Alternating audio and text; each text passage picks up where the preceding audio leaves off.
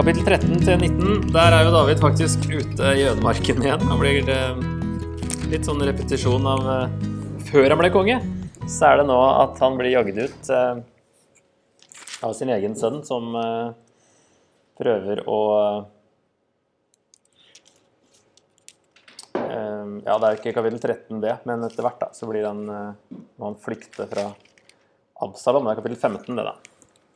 Og skal vi ta med det her verset fra, fra Nathan da, i 12.10. Fra nå av skal sverdet aldri vike fra ditt hus, siden du har foraktet meg og tatt hetitten Urias kone.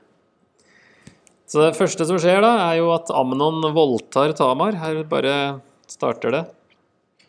Halvsøstera si. Og så Absalom, som det er helbror til eh, Tamar, hevner seg da og dreper Amnon. Så er vi to av Davids sønner som den ene dreper den andre. Eh, og så får Absalom komme tilbake da i kapittel 14. David eh, tar Absalom til nåde, står det som overskrift her, på slutten av kapittel 13. Etter hvert holdt kongen opp å bære nag til Absalom, for han var kommet over Amnons død. Så da får han komme tilbake.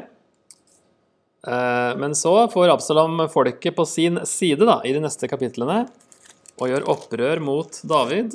David flykter fra Jerusalem, og han er åpen for at dette kan bety at Gud har forkastet ham som konge, når han sier i 1525 Før Guds paktkiste tilbake til byen. Hvis jeg finner nåde for Herrens øyne, lar han meg komme tilbake. Så jeg får se igjen både paktkisten og stedet der den står. Men skulle han si 'Jeg vil ikke vite av deg', da får han gjøre med meg som han synes best. Og Det er jo trolig pga. kapittel 11-12 at eh, det er jo satt i kontekst av det, i det verset som står øverst her.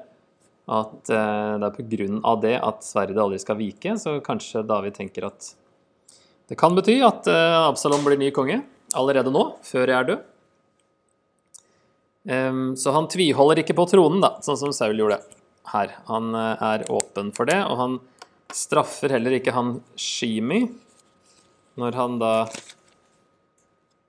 Han gjør ikke det mens han står og spotter, han Shimi som går litt komisk. Vers 13. Så gikk David og mennene hans fram etter veien, mens Shimi fulgte jevnt med ham oppe i fjellsiden. Han forbannet David og kastet stein og jord etter ham. Det var et komisk bilde som går oppi åssida der og kaster jord og stein og forbanner. Så David gjør ingenting med det der, og han gjør ikke noe med det heller når han er tilbake. Når han kommer, da, han Shimi, og faller på kne. Så sier kongen, i, altså David, i 1923 du skal ikke dø, og det sverget han på. Eh, nå har han jo sine siste ord før han dør i første kongebok to. Det er jo at Shimi skal straffes, da. Så han har en siste hevntanke eh, helt på slutten av sitt liv, som han får Salomo til å Han får en sånn husarrest, på en måte, da, han Shimi. Så hadde han holdt seg hjemme, så hadde han fått leve. Men siden han ikke gjør det, så blir han drept til slutt likevel, da. Men i hvert fall her i Samuelsbøkene så er David liksom eh, grei med Shimi. Eh, men han håper jo at Gud kan snu situasjonen i 1610-12. Men kongen svarte, hva har dere med dette å gjøre, Serujas sønner? Fordi de eh, har jo lyst til å gå og drepe han der Shimi da, som holder på sånn. Um, som driver og forbanner kongen. Men David sier, hva har dere med dette å gjøre, Seruyas sønner? Når han forbanner, er det fordi Herren har sagt til ham, forbann David. Hvem kan da spørre, hvorfor gjør du dette? Og David sa til Abishai og alle tjenerne sine, når min sønn, mitt eget kjøtt og blod, står meg etter livet, kan en da vente noe annet av denne benjaminitten? La ham bare forbanne når Herren har sagt han skal gjøre det. Kanskje Herren ser til meg i min nød og vender denne dagens forbannelse til noe godt. Så ydmykhet da egentlig i det som skjer her. Ok, så kapittel 18 så blir Absalom eh, drept, og David eh, sørger veldig. Og så får David da komme tilbake i kapittel 19. Er tilbake i uh, Jerusalem. Så da var det veldig fort gjennom de kapitlene der. Jeg tenkte å fokusere mer på den epilogen som kommer fra uh, kapittel 21. som jeg syns er noe av det vanskeligste i hele Bibelen, må jeg bare si. Dette her er blodskyld på Saul og hans hus og den hevnsaken som skjer der. Men det var fint å se litt nærmere på det, fordi eh, det er jo mulig å tolke det forskjellig. Um, det står Altså, det her er jo ting som ikke er kronologisk, som kommer nå. Vi skal se på det sånn sammen etterpå, men jeg skal bare ta blant annet det her først. Eh, det står bare 'I Davids regjeringstid var det en gang hungersnød i hele tre år'. Så tenker de fleste at det var sannsynligvis ikke lenge etter Sauls død, og trolig før kapittel 9, fordi der står det David spurte finnes det ennå noen igjen av Sauls hus. Da vil jeg vise godhet mot ham for Jonathans skyld. Altså Det er kanskje etter at man har drept disse sju som er av Sauls hus, og så spør David finnes det noen andre igjen, så vil jeg i hvert fall vise godhet mot dem. Og det setter jo da den situasjonen her i litt bedre lys, at David hadde egentlig lyst til å vise godhet, og gjør det med de som er igjen etterpå, da. Eller hvert fall spesielt han med Fiboset. Men det er sannsynligvis det her eh, han Shimi refererer til da, i kapittel 16, eh, når han kaller David for en morder. Og han er jo av Sauls hus, på å si, Saul-slekta, han her er Shimi. Mannen var i slekt med Saul, står det. Eh, og så sier han i vers 7 og 8 at eh, Dra bort, dra bort, din morder, du onde menneske. Nå gjengjelder Herren deg for alt blodet i Sauls hus. Du tok kongedømmet fra ham, men Herren har gitt det til din sønn Absalom. Nå har ulykken rammet deg, din morder. Så for man tolka Eller det kunne jo blitt sett på Det her som skjer i kapittel 21, kunne kanskje blitt sett på som en sånn David utrydder alle andre eh, konkurrenter til tronen. Alle etterkommere av Saul. Og han Shimi ser ut til å kanskje de, de, av Sauls hus ville kanskje tolke det sånn. Um, og da kanskje den historien er med også for Hvis det er det, da. Det er jo ikke tydelig sagt at det er den. Men det er kanskje den er lagt til liksom til slutt for at uh, vi skal se at David ikke drepte noen uten å Eller pådro ikke seg blodskyld da, på vei til tronen. Eh, at det her var en annen eh, sak, dette som skjer her. Og at Shimi ikke har helt rett i det han sier. Um, men i hvert fall rart om det skjer eh, lenge etter Saul, da, når liksom eh, Saul får delvis skylda her. Saul og hans hus. Så det er jo sikkert ikke mange år etter at Saul er død, og så pågår det jo i tre år, dette her. Så er, de fleste legger det her til tidlig i Davids regjeringstid, da. Og nå var jo tørke og sult og sånn var jo en paktsforbannelse. Um, så David skjønner etter hvert at det her er ikke noe vanlig tørke. Og så er det dette med blodskyld, da. Der han spør, uh, søkte råd hos Herren, og om det er gjennom en profet eller hva det er, hvordan han får svar. Så svarer Gud det hviler blodskyld på Saul og hans hus fordi han drepte folk i Gibeon. Og blodskyld står det om i 4. Mosebok 35. Dere skal ikke vanhellige det landet dere bor i, for blod vanhelliger landet. Og landet får ikke soning for blodet som er utøst der, uten ved blodet til den som utøste blod.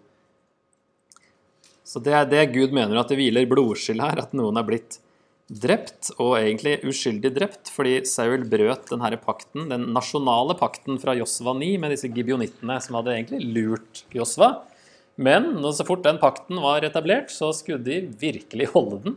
Og det er den eh, Saul har brutt nå, og det angikk da hele nasjonen. Derfor kommer det da liksom en sånn eh, hungersnød, tørke, eh, over hele nasjonen, fordi dette var selv om Saul gjorde det, så var det en nasjonal pakt, på en måte, tenker man da om dette her. Um, så det er problemet. Så derfor, ja, det blir jo i hvert fall kanskje det eneste problemet ut av at gibionittene lurte til seg det greiene. Da. Så jeg husker ikke helt hva mer som kom ut av det, men i hvert fall her er det et problem som David arver, på en måte. Fordi Saul har uh, gått for langt og drept masse gibionitter som uh, har brutt denne pakten. Og så er det en liten uh, sak i um, det står jo at uh, han tar noen av sønnene, som Mikael, datter av Saul, hadde fått med Adriel. Og 1. Samuel 18,19 sier at det var Merab, en annen datter av Saul, som var gift med Adriel. Og Det står også i LXX, altså Septuaginta, den greske versjonen. Og to hebraiske manuskripter har også Merab. Og så står det jo i 2. Samuel 6,23 at Mikael forble barnløs. Så jødisk tradisjon har løst det her på den måten at Mikael oppdro disse fem foreldreløse som da dør her, eh, mens andre, fleste andre tar det som en kopieringsfeil da, i den hebraiske. Men at vi har eh, greske og to hebraiske som sier merab, som gir mer mening sånn sett, da. Så hvis dere stussa over det, at eh, Mikael nevnes her, så kan det være at det er merab. Ehm, ok, så det er liksom bakgrunnen. Så er det tolkningene, og da har jeg tre tolkninger. Det første som man kanskje mest naturlig leser det som, da, er at de var uskyldige i en skyldkultur, men ikke i en skamkultur. For oss er de her uskyldige i det som har skjedd, men i deres kultur så var de ikke det. Eh, Ære og skam inkluderer da en kollektiv tenkning, og dette var familiens felles ansvar. Og så er det jo hele tida Saul og hans hus det snakkes om her, da. Selv om Saul omtales som han, så er det jo selvfølgelig han som var kongen, og han som eh, sto ansvarlig, men hans hus er Det her involverer hans hus også. Og da eh, konkluderer man med at det ga mening for dem det gjaldt. Om det ikke gir mening for oss, så ville det gi mening for dem at eh, dette var på en måte rettferdig, selv om de sikkert ikke ønska å dø, så eh, ville det gi mer mening for dem. Tolkning to er at de var eh, uskyldige, og de burde ikke ha blitt henretta. David burde spurt Gud i stedet for gibeonittene. Han spør jo først Gud, Gud svarer, og så sender, Gud, sender kongen bud etter gibeonittene og snakka med dem. Og så er det de som får lov til å liksom komme med sin eh, hevntanke, men at det egentlig ikke eh, var det som eh, var løsningen. Og når det står at de henretta dem for Herrens ansikt i vers 9, så betyr det foran helligdommen. Det betyr ikke at Gud aksepterte det. Herrens ansikt er jo ofte det man sier om telthelligdommen eller tempelet, fordi Gud liksom hadde bolig der. Og det argumenterer man da ut fra at det går litt tid før regnet kommer, i vers 10. Rispa hun er for så vidt en av Sauls medhustruer, så Saul hadde noen flere koner. Men jeg vet ikke hvor mange. Og det er ikke det han liksom var verst på, da, men han hadde i hvert fall noen. Og det er hun her som Abner eh, går inn til, og som fører til den krangelen med, med, med Fibush, nei, Ishboshet i 2. Samuel 3. Det er den her Abner-Rispa-forholdet som gjør at Abner gir hele kongeriket i nord da, til David. Så hun har vært inne i bildet litt grann før. Men um, hun sitter jo der, i hvert fall eh, det står eh, Hun blir sittende der til, i vers 10 til regnet strømmet ned fra himmelen. Og så står det ikke at fuglene under himmelen ikke slo ned på dem om dagen, og at villdyren ikke tok dem om natten. Så det er i hvert fall ikke sånn umiddelbart regn etter at dette er skjedd. Det går en stund. En kommentator, eh, eller kommentar mente at det var oktoberregnet som det er snakk om da, når, siden det ikke var noe spesielt regn som nevnes, og da er det faktisk et halvt år senere. Eh, Det er vanskelig å vite, da. Men eh, i hvert fall så går det en tid. Så det, det kan tyde på at det var ikke løsningen Gud ønska, dette her. Og så er ikke problemet løst før David gir Saul og Jonathan en ærefull grav i vers 14. Flytter knoklene, la den i graven til Kish, Sauls far. Etter dette hørte Gud igjen bønnene som steg opp fra landet. Så det er i hvert fall ikke en løsning bare å drepe disse sju. Så det må noe mer til. Og så er spørsmålet da om de kanskje var uskyldige i in the first place. Tolkning tre eh, går da på at eh, de hadde vært med på det, disse her. At Saul ikke gjorde det alene, og blodskylden er over Saul og hans hus. At eh, det ikke bare er fordi de tilfeldigvis er av Sauls hus, men at det gjelder flere i hans hus. Og hvis man regner på det, så kan visst også For dette her er jo fem av, eh, jo, eh, fem av eh, Sauls barnebarn, men de kan ha vært i hvert fall i tenåra eh, når dette skjedde. Man vet jo ikke når det skjedde, men det, det går kronologisk at disse fem yngste også var med, på det. da. Og da var man jo en kriger ganske tidlig, egentlig. Saul og hans hus brukes som en enhet i vers 4, ettersom Saul er jo død. Men de sier jo Sølv eller gull fra Saul og hans hus løser ikke denne saken. De omtaler jo Saul, men Saul er jo død. Det må vi i hvert fall gå ut fra, siden David er konge. Så derfor kan de andre her ha vært eh, med på det, da. Og dersom de var uskyldige, så brøt David budet i 5. Mosebok 24, som sier at fedre skal ikke dø for barna, og barn skal ikke dø for fedrene. Enhver skal dø for sin egen synd.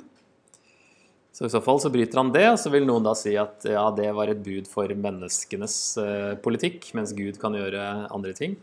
Eh, det er en måte å på en måte løse den på, da. Men det oppfyller også mer konkret det her blodskyldverset fra 4. Mosebok, at eh, blodet til den som utøste blod. Om man ikke tenker blodet til Saul er i hans etterkommere, så er det i hvert fall veldig konkret blodet til den eh, faktiske personen. da.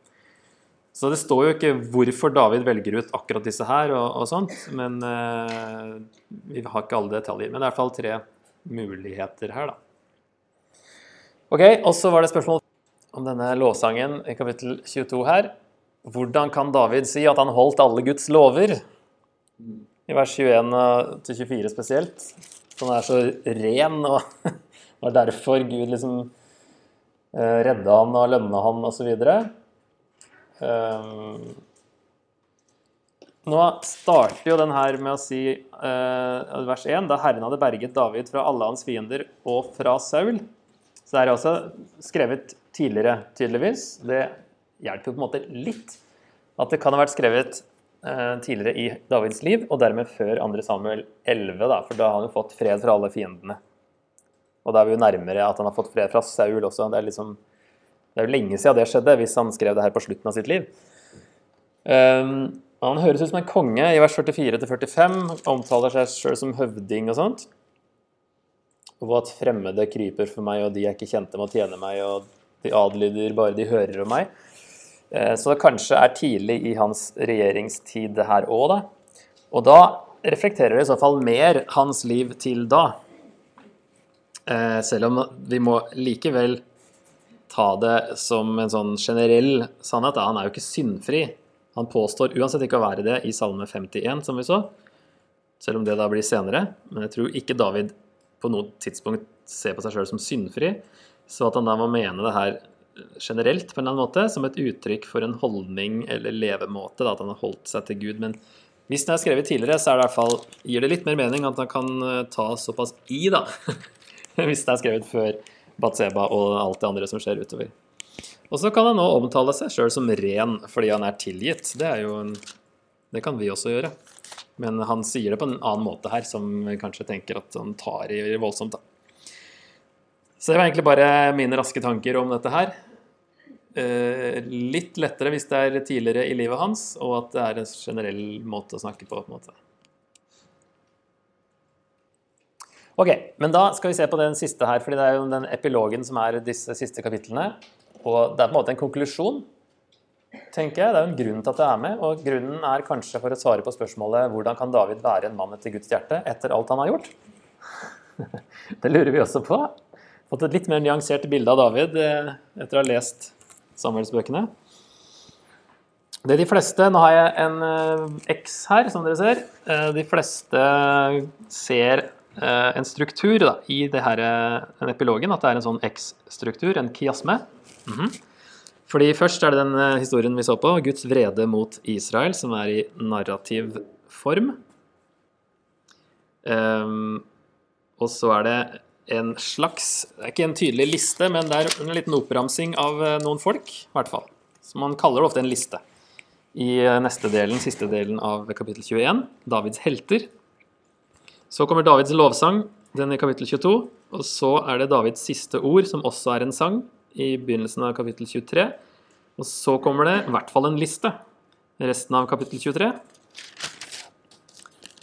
Davids krigere.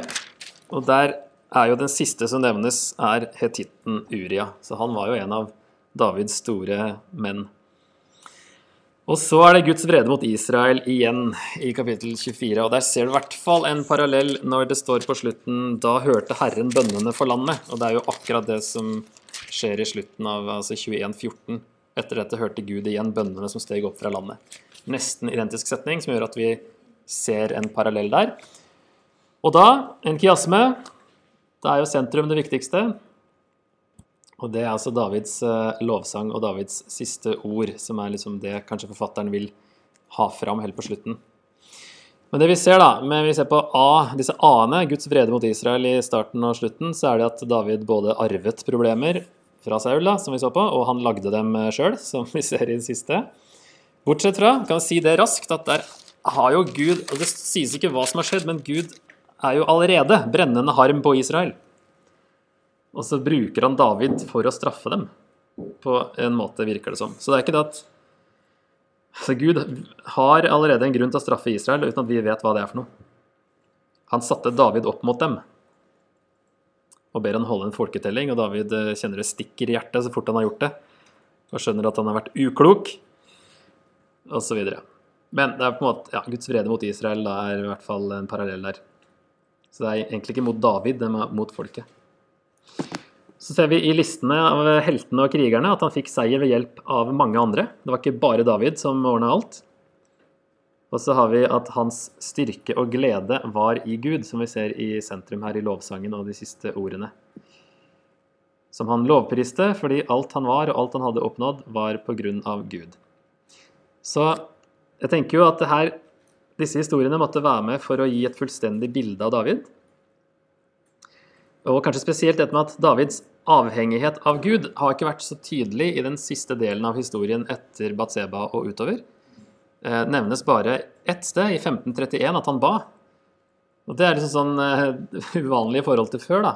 Det kan han, eller Jeg tror forfatteren vil få frem at han, han, ba fortsatt. Derfor lager han denne strukturen på slutten. Så vi skal se at i lovsangen og siste, de siste ordene at han er fortsatt en, en som ber, og som er avhengig av Gud, men det har ikke kommet like godt fram. Så Kanskje forfatteren da vil fokusere på Davids relasjon med Gud for å balansere bildet og konkludere positivt? Spørsmålstegn. Og at til tross for Davids feil, så fortsatte han å være til Guds behag. Kan være at det er noe av det han vil her, da. Yes. Men jeg tenker det kan være, liksom, at Siden her er fokus da, på slutten, så er det det som Det har ikke vært like i fokus i, i fortellingen, og at han vil få det litt på plass på slutten der, sånn at vi kan uh, få et mer helhetlig bilde av David. Så eh, Davids relasjon med Gud er jo noe som eh, vi har sett på som et tema, og hva kan vi lære av det? Eh, David ber ofte om råd når han skal ta avgjørelser. I hvert fall 1, 2, 3, 4, 5, 6, 7, 8, 9 ganger det nevnes. Og han ber til Gud i vanskelige situasjoner, som jeg har sett. I hvert fall 1, 2, 3, 4, 5 ganger, pluss i salmene. Han ber til Gud i takknemlighet etter et løfte han får av Nathan i 2. Samuel 7, og her i kapittel 22, pluss salmene. Og han sier i kapittel 24 her at han har større tiltro til Guds barmhjertighet enn til menneskers. Og så har vi sett at han anerkjente alltid Gud som den egentlige kongen, og at han hørte på profetene, så ikke på dem som konkurrenter, slik Saul gjorde. Han satte deres ord høyt. Så en konklusjon som man ofte kommer til, er at det var denne relasjonen, hans ydmykhet og hans helhjertede omvendelse, som gjorde ham til en mann etter Guds hjerte. Selv om han gjør feil som alle andre, så var det relasjon, ydmykhet, og at han viste virkelig omvendelse de gangene han eh, tabba seg ut. Få det til å prøve å henge sammen på et vis. Det når Gud sier at han er en, et mann etter hans hjerte, og så har vi sett liksom, litt sånn tvilsomme tendenser, men eh, det er liksom de, den infoen vi har, som vi prøver å konkludere. Men i hvert fall et fokus på hans relasjon til Gud da, på slutten her.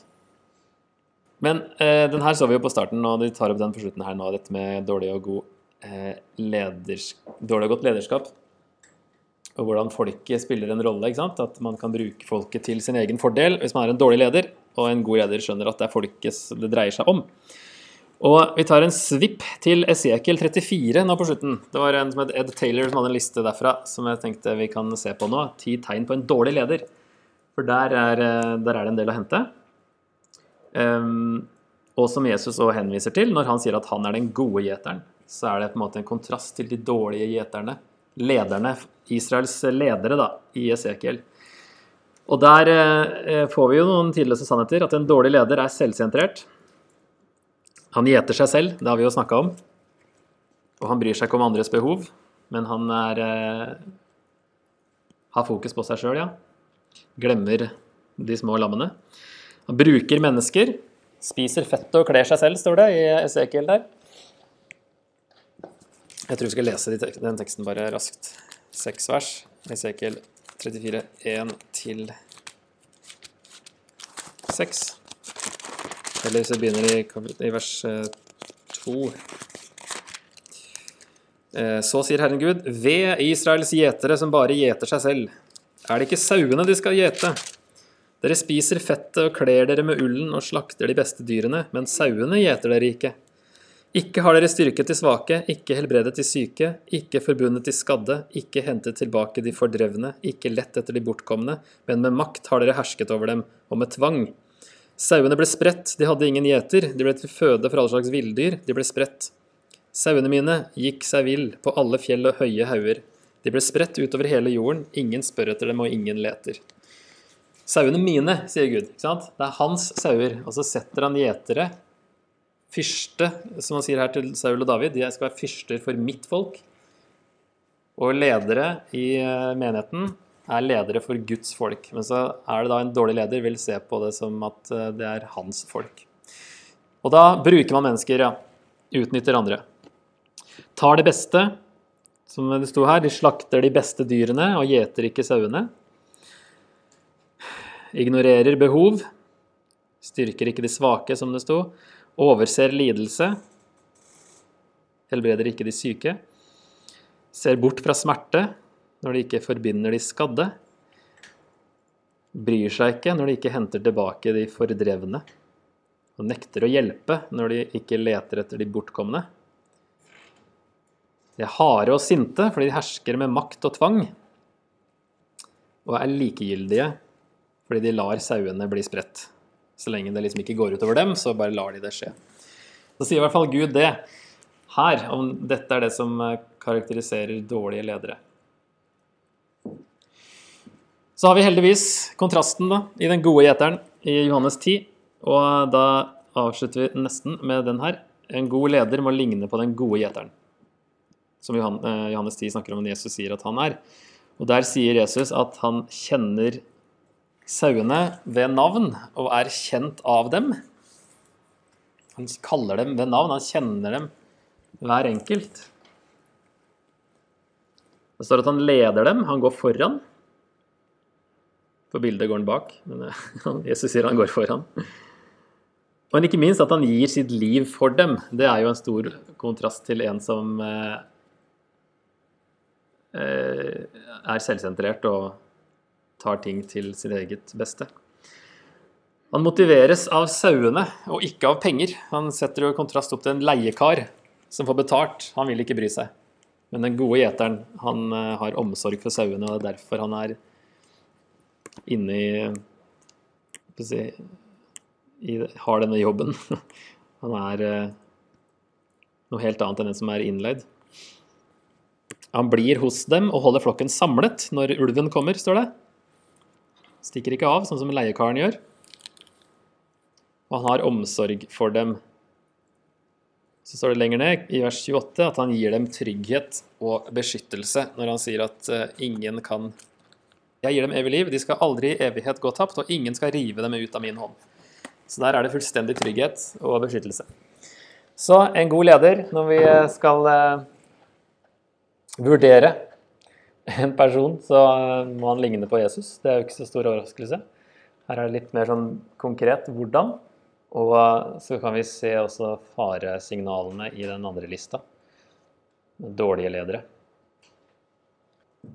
Et siste sitat av en som heter Geir Otto Holmås, som har skrevet, eh, skrevet det her i en bok. De sunne åndelige lederne binder deg til Kristus og ikke til seg selv. Du puster lett og fritt i deres nærhet. Du kjenner at de vil deg vel uten at de blir påtrengende. De ser deg og bekrefter din verdi, men bevarer likevel en distanse. Også etter å ha vært sammen med dem over tid, forstår du at de ikke er drevet av skjulte agendaer eller er ute etter å bruke deg for egne formål. De er gjerne tydelige på hva de vil og mener, men prøver ikke å manipulere deg om du er uenig.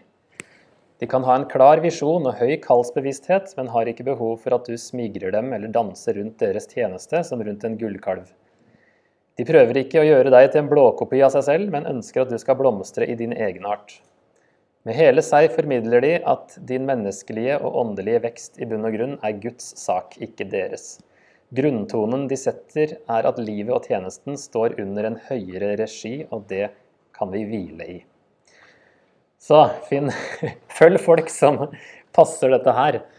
Um, og det er jo til alle oss, det, hvis vi uh, si, alle som har en eller eller får en annen lederposisjon, så må vi jo være som den gode gjeteren.